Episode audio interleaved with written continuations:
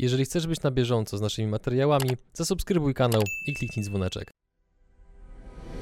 Partnerami kanału są Eprosument SA, instalacje fotowoltaiczne dla firm, DPD, Twoi eksperci w doręczaniu, IBCCS Tax, spółki zagraniczne, ochrona majątku, podatki międzynarodowe, SoFinanse, eksperci w dziedzinie finansów. Linki do partnerów w opisie materiału.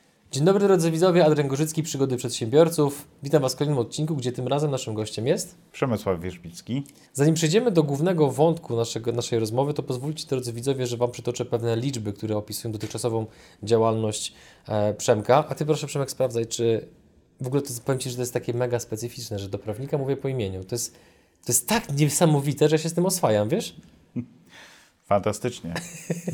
Więc dobra, czytam w takim razie e, te wszystkie liczby, a ty powiedz, czy to jest prawda. W biznesie jesteś 20 lat. Tak. Twoja, twoja firma, w zależności od różnych powiedzmy czynników, w ciągu roku robi między 5 a 10 milionów złotych brutto. Tak, to prawda. Przychodu. Zatrudniacie około 30 pracowników. I dotychczas obsłużyliście blisko 800 klientów. Tak. Dobrze, no i teraz właśnie te wszystkie parametry tak naprawdę świadczą o tym, że posiadasz bardzo duże doświadczenie w tym, co robisz. Więc żeby od razu przejść do tak naprawdę głównego wątku, który jest zresztą na miniaturze i w tytule, to jakie sygnały świadczą o tym, że do danego biznesu, do danego przedsiębiorcy zbliżają się kłopoty finansowe? To jest coś, czego doświadczy każdy, niezależnie od poziomu zaawansowania, niestety.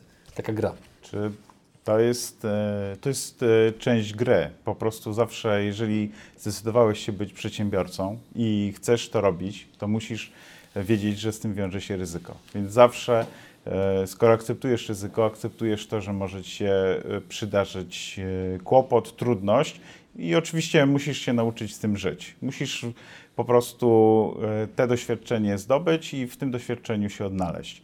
I jeśli mówimy o kłopotach finansowych, to warto zawsze pamiętać, że to nie jest tak, że e, te kłopoty finansowe pojawiają się e, zazwyczaj nagle i już jesteś e, naprawdę w tym miejscu, że musisz już myśleć o upadłości. Zazwyczaj kwestia narasta. Najpierw masz taki pierwszy sygnał ostrzegawczy, gdzie szczególnie w małej firmie, jeśli kończysz miesiąc i nie byłeś w stanie zapłacić wszystkich należności, wszystkich faktur, to to jest moment, gdzie powinieneś sobie usiąść i zastanowić się, co dalej w najbliższych trzech miesiącach. Możesz sobie zrobić prościutki e, budżet, jakich wpływów się spodziewasz, jakich kosztów się spodziewasz. Jeżeli w ciągu tych e, trzech miesięcy widzisz, widzisz, że biznes będzie ci się składał, to w takim razie e, znaczy, że wszystko jeszcze może się potoczy w dobrym kierunku. Ale to też jest taki moment, żeby spojrzeć na swój biznes absolutnie obiektywnie. Uwolnić się od tego całego ciężaru, że, że to jest moje, tworzyłem to przez 15 lat, to jest idealne, robię wszystko świetnie. 15 lat rzeczywiście mogło to iść świetnie i podejmowałeś same dobre decyzje, ale właśnie dzisiaj świat się zmienił i ty musisz znaleźć na to nową formułę. I to jest y, mnóstwo, mam mnóstwo przykładów, klientów, którzy w tym momencie zaczynają się zastanawiać, czy ten biznes im się składa. Robią pierwszy raz w życiu taki budżet i widzą, że w najbliższych trzech miesiącach e, będą, e, będzie coraz gorzej i muszą coś zmienić. I to są historie ludzi, którzy na przykład po raz pierwszy w życiu e, biorą do ręki umowy, które podpisali. To jest przykład firmy budowlanej niedużej, która e, wygrywała bardzo dużo przetargów publicznych. Nigdy się specjalnie nie zastanawiali nad tym, czy te kontrakty są rentowne, czy nie. Po prostu to się kręciło, po był prostu zysk. hajs płynął. Dokładnie, e, ale pewnego dnia to przestało się kręcić i właściciel po raz pierwszy w życiu wziął do ręki umowy, zaczął analizować, ile z tych umów jeszcze dostanie, a ile na te umowy, na realizację tych umów wydał. No i nagle e, doszło e, jego świadomości, że dwie trzecie tych umów jest deficytowych. Dlaczego? Wow. Bo kierownicy budów, żeby nie mieć problemów z odbiorem inwestycji, godzili się na różne rzeczy, które nie były przewidziane w umowach. Po prostu e, e, hipotetycznie w ramach e, umowy nie musieli wymieniać okien, ale ponieważ zamawiający życzył sobie, to kierownicy budów się na to godzili oni mieli oczywiście świetną sytuację, bo nie mieli problemu z zamawiającym, no ale właściciel jako taki miał duży problem, no bo przy marżach kilkuprocentowych to jest duży wydatek. No i ten moment, kiedy pierwszy raz od kilkunastu lat nie zapłacił wszystkich faktur, spowodował, że przeanalizował kontrakty i część tych deficytowych kontraktów po prostu zmienił ich sposób realizacji. Wziął po prostu tych kierowników, mhm. wytłumaczył im, co robić, czego nie robić.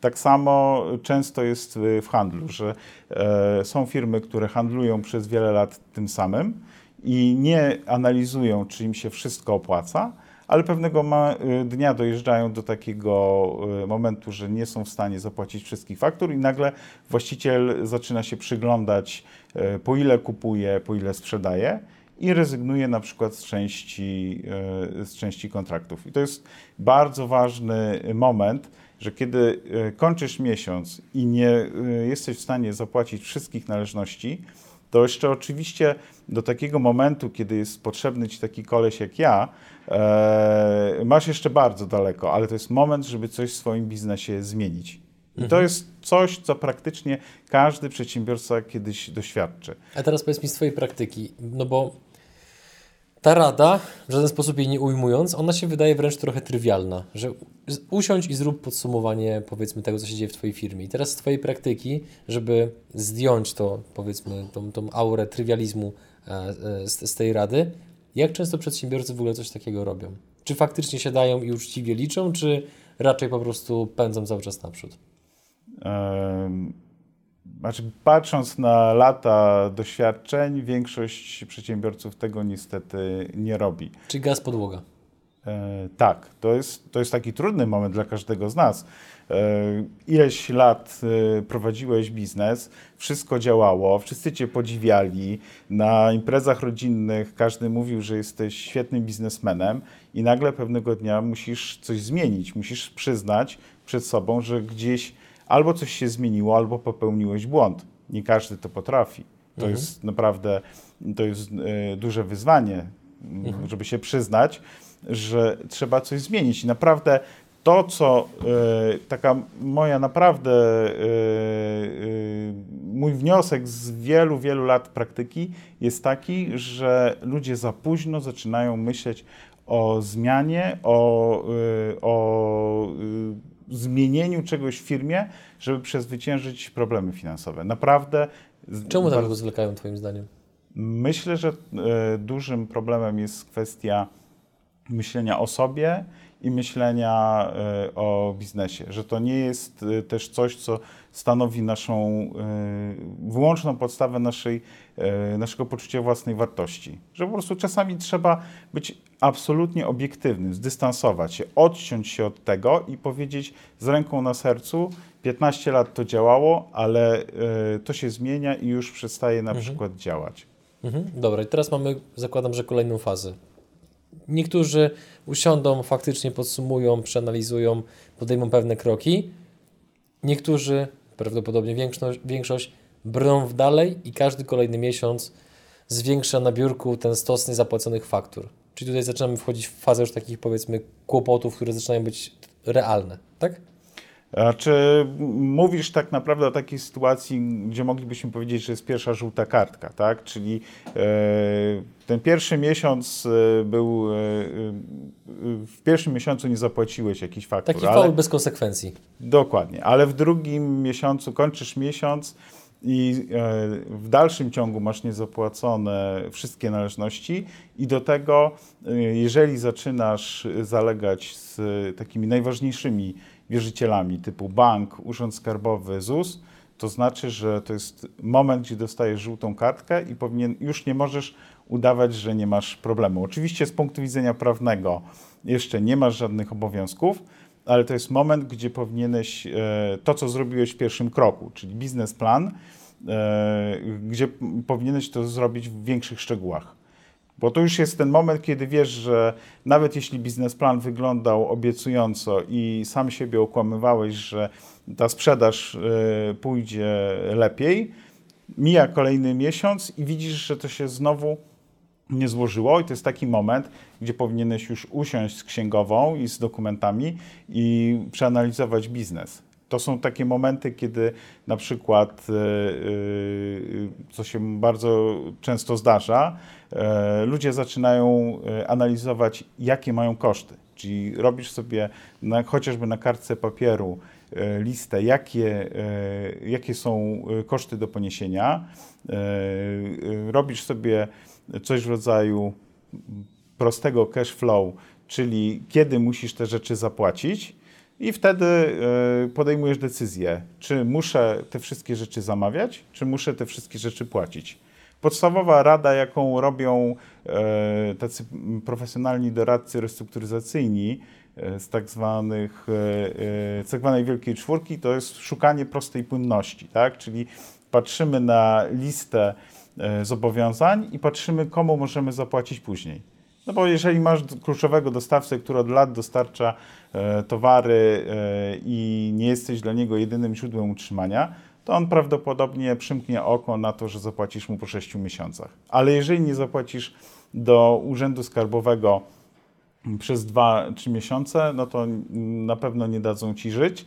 E, nie mówiąc już o tym, że jeśli zrobisz ten sam numer z bankiem, to prawdopodobnie pakujesz się w duże kłopoty. I to jest taki moment, gdzie na przykład e, e, jeden z moich klientów, który prowadził dwie restauracje, e, usiadł z księgową i przeanalizowali tak naprawdę strukturę kosztów. I doszli do wniosku, że jedną restaurację trzeba zamknąć, bo przeanalizowali, ile płacą z tytułu e, czynszu, jakie mają przychody. Zobaczyli, że ten biznesplan, który już sobie zrobili wcześniej, niestety nie, się nie składa i akurat w tym jednym lokalu po prostu nie ma e, co przedłużać sytuacji, trzeba to po prostu najrozsądniej e, zamknąć. Być może ten moment żółtej kartki to jest taki moment, gdzie powinien się przedsiębiorca zastanowić, co tak naprawdę się dzieje z jego majątkiem i co się może stać, jeżeli przejdzie do etapu e, trzeciego, czyli czerwonej kartki, e, i czy to nie jest moment, gdzie powinien na przykład rozważyć kwestię zabezpieczenia swojego majątku. Ludzie, mhm.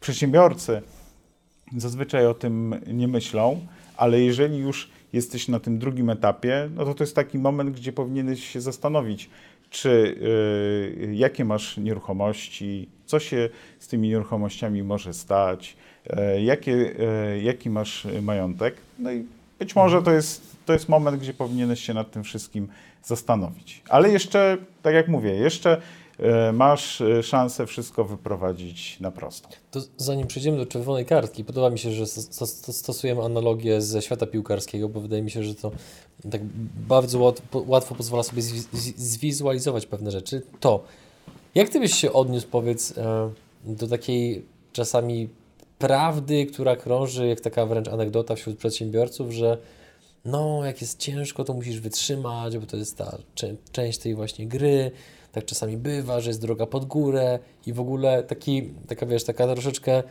martyrologia, że jak jesteś przedsiębiorcą, no to w ogóle powinieneś cały czas dźwigać swój krzyż i, i w sumie, że to, że, to, że to jest normalne.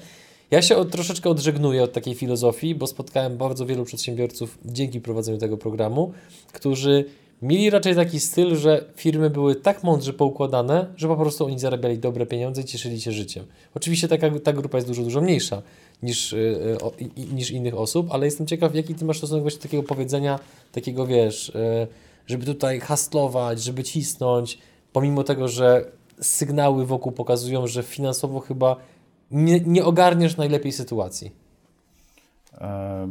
Myślę, że trzeba czasami wiedzieć, kiedy odpuścić. E, I jeżeli za wszelką cenę e, próbujesz, e, upierasz się przy tym, żeby ratować coś, co się nie składa, no to po prostu prawdopodobnie zmierzasz w kierunku katastrofy.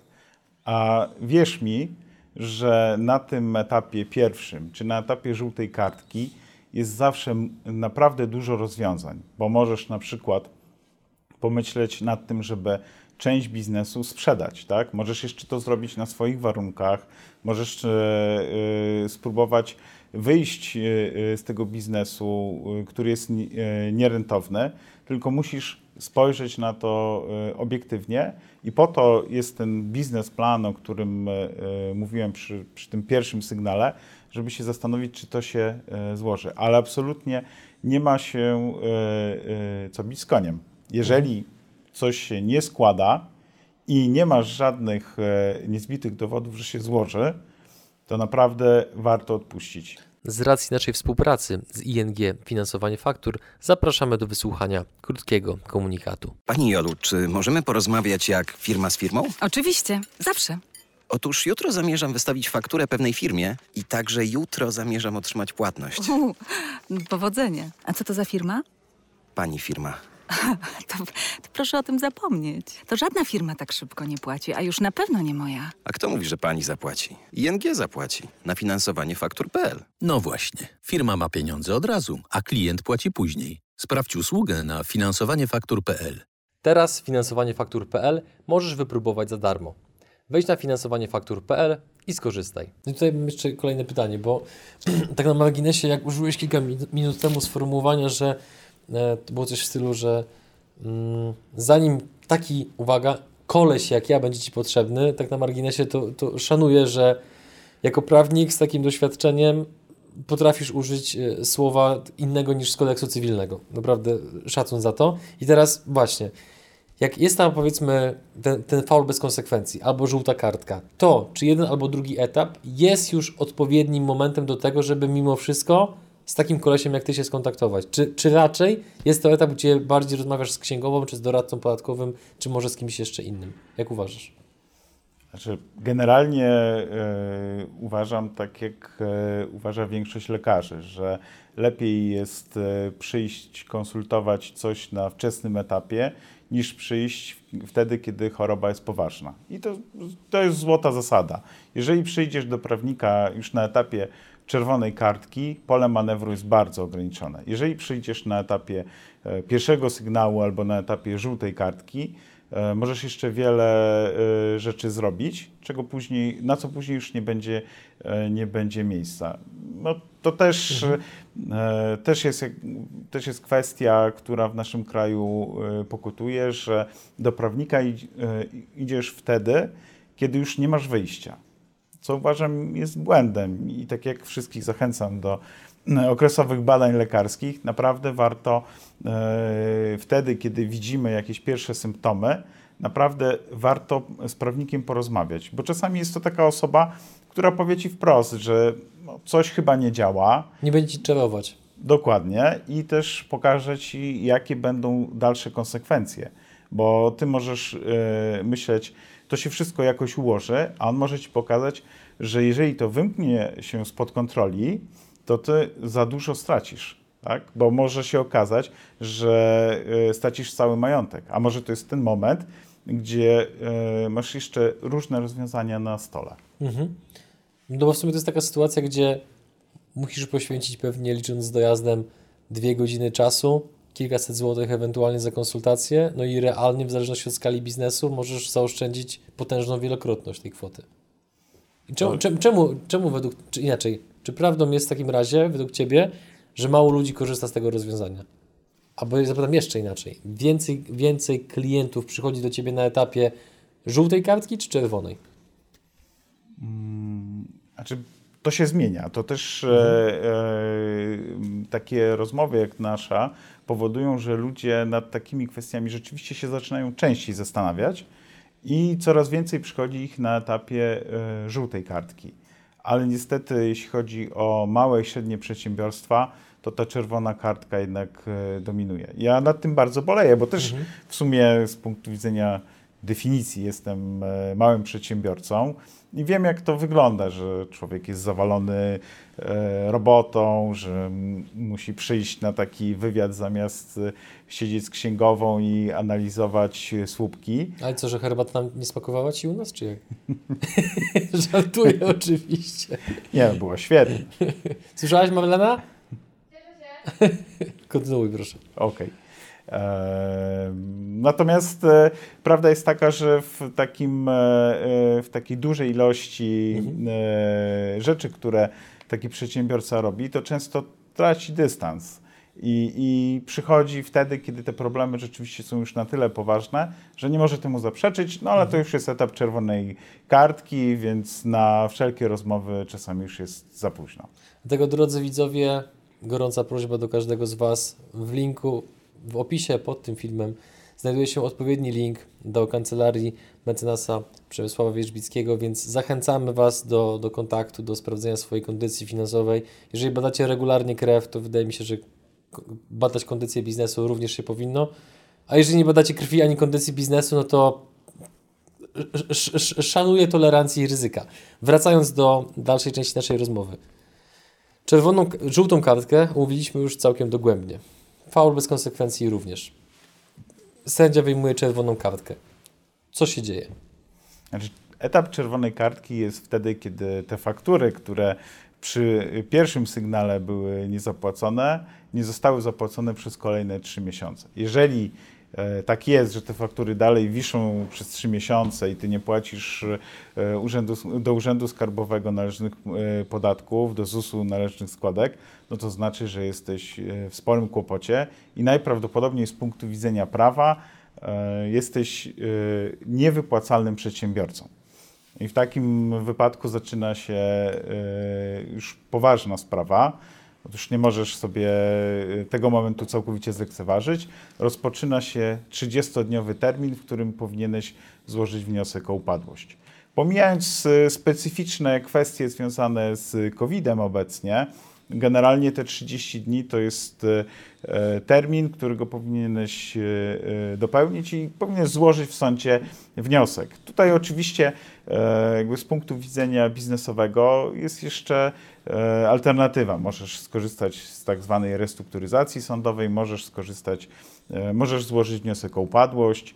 E, Zależy od tego, w jakiej jesteś sytuacji, jakie są perspektywy na ratowanie biznesu, ale e, to jest ten moment, gdzie już nie możesz czekać, gdzie już prawo rzeczywiście interweniuje. Jeżeli nie zrobisz nic, no to już nie, nie, pomija, nie mówiąc nawet o odpowiedzialności za długi e, firmy, którą, e, którą prowadziłeś, to jeszcze narażasz się na odpowiedzialność karną. Więc tutaj już e, nie ma żartów. Czy to jest tym, sytuacja, w której tym bardziej zakładasz trampki i ile sił w nogach biegniesz do prawnika? To jest ostatni moment, żeby to zrobić e, i żeby to się skończyło bezpiecznie. E, no chyba, że chyba, że lubisz, spotka- lubisz e, e, seriale o prokuratorach i chciałbyś się z jednym z nich spotkać. Więc, e, więc tutaj oczywiście e, e, ja nie przepadam i klientom też nie doradzam takich rozwiązań, więc lepiej jest złożyć wniosek w terminie. Co się z tym wnioskiem stanie, to już za to nie odpowiadasz, natomiast musisz to e, zrobić. Tutaj jest multum możliwych rozwiązań. Mieliśmy takiego klienta, który prowadził kilka restauracji i jak przyszedł COVID, a szczególnie przyszedł drugi lockdown, to niestety poddał się, znaczy niestety, po prostu powiedział sobie dość, już nie, chc- nie chciał się z tym wszystkim e, szarpać i poszedł z wnioskiem o upadłość. E, jedynym jego istotnym majątkiem było mieszkanie, które kupił na kredyt. Z tym mieszkaniem nic się nie dało zrobić, bo kredyt e, hipotetycznie powiedzmy wynosił 700 tysięcy. E, To mieszkanie było warte według niektórych od pomiędzy e, 600 a 1 100 tysięcy. E, Więc nikt nie kupiłby e, za dobrą cenę takiego mieszkania, bo hipoteka była za duża, więc pan Marek złożył wniosek o upadłość. E, Jest teraz taka specyficzna, taki specyficzny tryb przygotowanej likwidacji, gdzie od razu we wniosku napisał, że chce te mieszkanie, e, chce, żeby sąd wyraził zgodę na sprzedaż tego mieszkania przez syndyka. Wskazał jako nabywcę swojego dalekiego kuzyna. E, Ten kuzyn pozyskał wycenę na 400 tysięcy e, i sąd, ogłaszając upadłość pana Marka, od razu zgodził się na sprzedaż tego mieszkania za 400 tysięcy. Pan Marek pomęczył się jeszcze z postępowaniem jakieś e, półtora roku. Dostał plan spłat na dwa lata po 1000 zł miesięcznie. Po tych dwóch latach będzie wolny i będzie mógł e, bez problemu na nowo, bez e, długów e, zacząć działalność gospodarczą. Ja wiem, że to brzmi trochę tak, że przemęczył się w sumie mm, kilka lat, ale w jego przypadku to po prostu się rozsypało wszystko.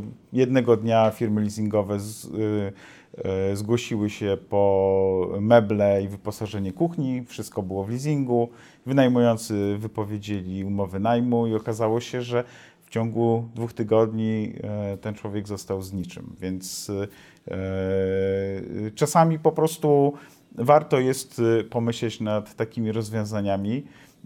Tutaj akurat była taka specyficzna sytuacja, że pan Marek miał mieszkanie w kredycie, więc nie mógł wcześniej zabezpieczyć tego majątku, mhm. ale czasami no, na tym etapie żółtej kartki jest taki moment, żeby się zastanowić, czy na przykład e, te mieszkanie e, nie dałoby się e, sprzedać i na przykład coś zrobić z tymi pieniędzmi, zanim zacznie się wszystkim, zaczną, zaczną się wszystkim interesować wierzyciele. Więc to też są takie strategie, które warto z wyprzedzeniem przemyśleć. Mhm. Natomiast mamy też przykłady e, fajnych e, restrukturyzacji, to już wtedy wchodzimy w taki świat wiem, ciężkich pojęć i mhm. sądu, e, ale e, obecnie jest... Bo czym jest restrukturyzacja, mówiąc prostym językiem, takim bardzo zrozumiałym, ludzkim? E, jak, jeśli miałbym w taki sposób opowiedzieć, to jest e, restrukturyzacja, to jest wszystko, co służy uzdrowieniu biznesu, tak? Restrukturyzacją okay. może być mhm. rozmowa z bankiem, żeby rozłożyli spłatę kredytu na więcej rat. Restrukturyzacją może być e, e, na przykład ugoda z dostawcą, że nie spłacimy im wszystkiego za miesiąc, ale spłacimy w ratach przez e, cały rok. Czasami tych wierzycieli jest tylu i, i, i, są tak negatywnie nastawieni, że nie da się dogadać z wszystkimi i wtedy idziesz do sądu. Bo w, różnica jest taka, że w sądzie nie, nie muszą się wszyscy zgodzić. Wystarczy, że odpowiednia większość się zgodzi na układ i wtedy masz e, e, nowe warunki finansowania i bez konieczności dogadywania się z każdym.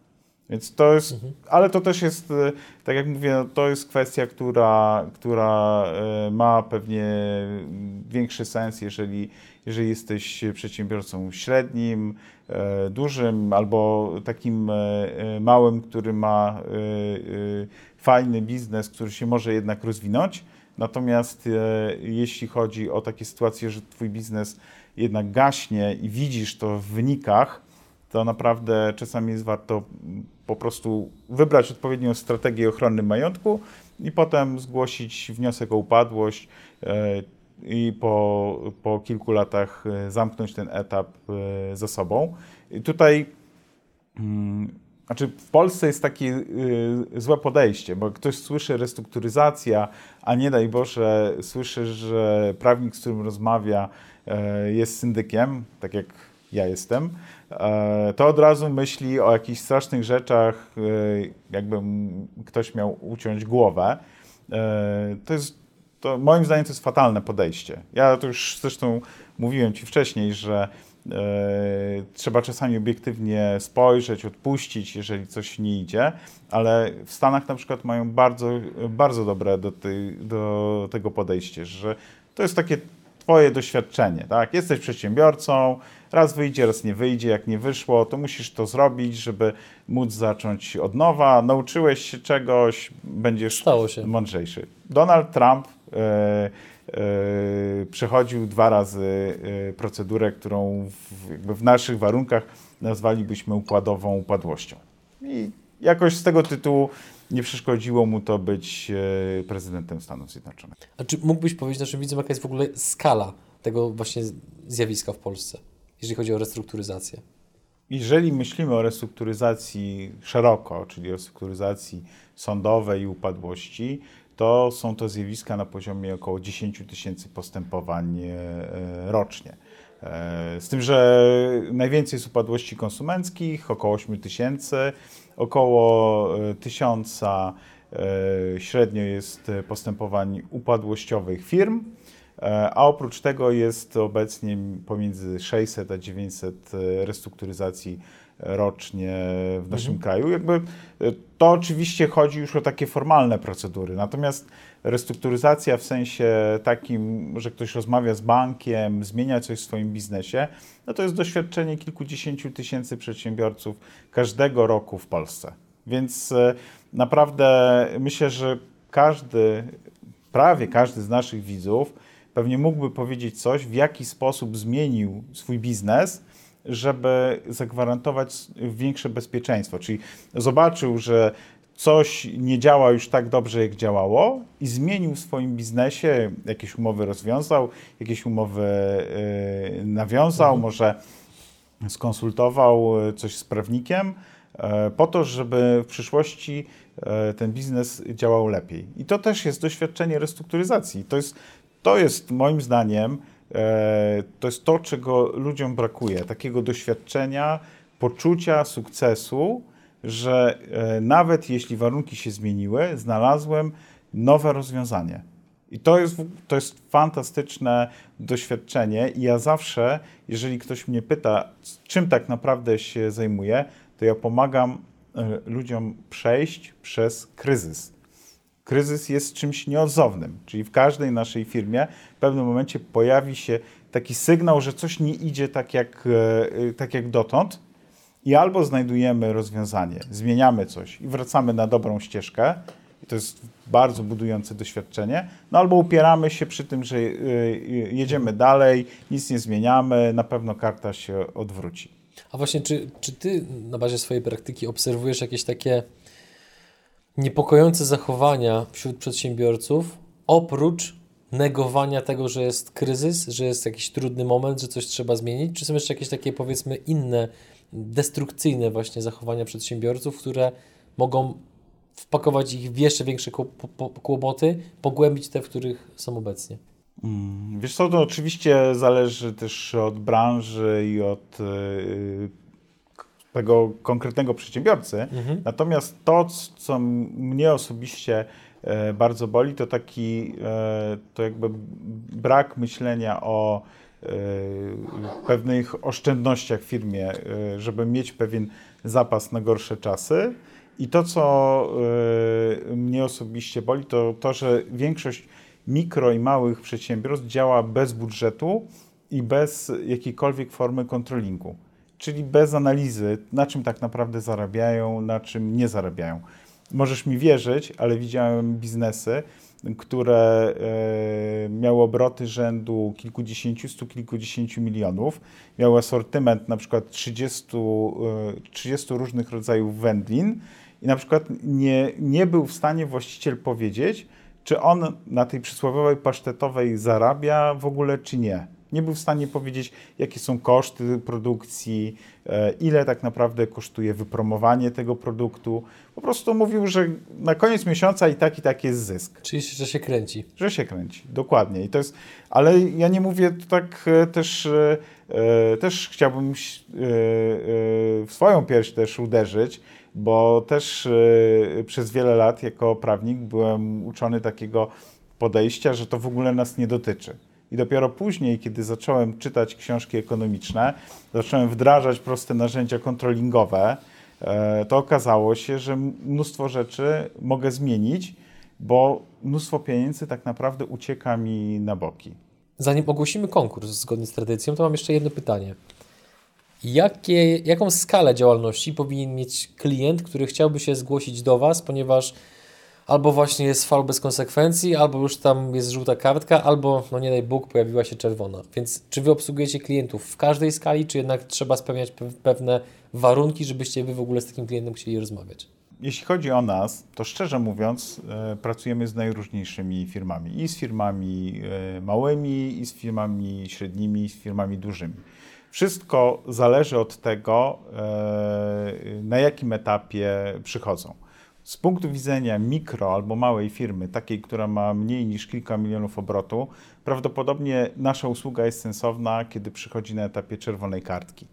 Natomiast dla y, trochę większych y, firm y, będziemy super rozwiązaniem przy y, żółtej kartce, A jeżeli te obroty już się kształtują rzeczywiście na poziomie kilkanaście i więcej milionów złotych, to myślę, że bardzo dobrym rozwiązaniem będzie rozmowa z nami na etapie e, tych pierwszych e, sygnałów. Oczywiście tutaj e, zawsze dopasowujemy swoją ofertę do klienta i czasami jest tak, że za małą firmą stoi na przykład ktoś, kto ma spory majątek, który musi ustrukturyzować i zastanowić się nad konsekwencjami ewentualnej upadłości firmy. I tutaj, jakby, tutaj też nasza interwencja może przynieść bardzo dobre rezultaty. Natomiast w firmach małych bardzo często jest dużo rzeczy, które właściciel może zrobić sam. I my też szczerze myślimy nad tym bardzo, jak spróbować tą naszą wiedzę i doświadczenie w pracy z firmami większymi przełożyć na wiedzę dla małych firm, które nie muszą przecież mieć e, prawnika na pokładzie, żeby e, e, móc zdecydować, czy jakieś umowy najmu się na przykład opłacają, mhm. czy nie. I tutaj myślimy nad tym, żeby szerzej wyjść z propagowaniem wiedzy na temat restrukturyzacji, na temat tego, jak można rozwiązywać, pokonywać problemy finansowe i dlatego też mhm. z Tobą rozmawiam, bo też dla mnie jest to ciekawe doświadczenie bo zazwyczaj przywykłem do rozmowy na y, poziomie y, zarządów, a y, chciałbym trochę tej wiedzy, którą, którą można zobaczyć rzeczywiście, jeżeli pracuje cała chmara profesjonalnych doradców, trochę tej wiedzy właśnie poprzez na przykład taki wywiad jak dzisiaj chciałem mhm. przekazać małym przedsiębiorcom. Dlatego myślę, warto ten film obejrzeć bo y, to, o czym y, mówię, to zazwyczaj y, jest domena naprawdę takich wysoko opłacanych usług doradczych, do których mały przedsiębiorca tak bezpośrednio nie ma dostępu. Dopiero słuchając naszego wywiadu, może się mhm. dowiedzieć, jak w prosty sposób pewne kwestie rozwiązać. No tak, no bo niektóre rzeczy, które podpowiadałeś, to, to nie było takie rocket science, a z drugiej strony to było takie bardzo zdroworozsądkowe podejście, które, jak sam powiedziałeś, o dziwo mało kto stosuje. To jest bardzo do, to jest, e, świetnie to ująłeś, bo e, bardzo dobrym przykładem jest ta kwestia poszukiwania płynności. Wierz mi, wielka czwórka tak naprawdę nie zajmuje się niczym innym, niż bierze po prostu sobie zestawienie, jakie firma ma zobowiązania i mówi, to możecie zapłacić yy, yy, za 6 miesięcy, bo to jest dostawca, który z Wami pracuje od 10 lat, natomiast tego nie wolno Wam e, e, przekroczyć terminu, bo jeżeli przekroczycie termin, to druga strona ma prawo Wam na przykład anulować wszystkie rabaty. I z miliona zrobi Wam się milion e, dwieście tysięcy.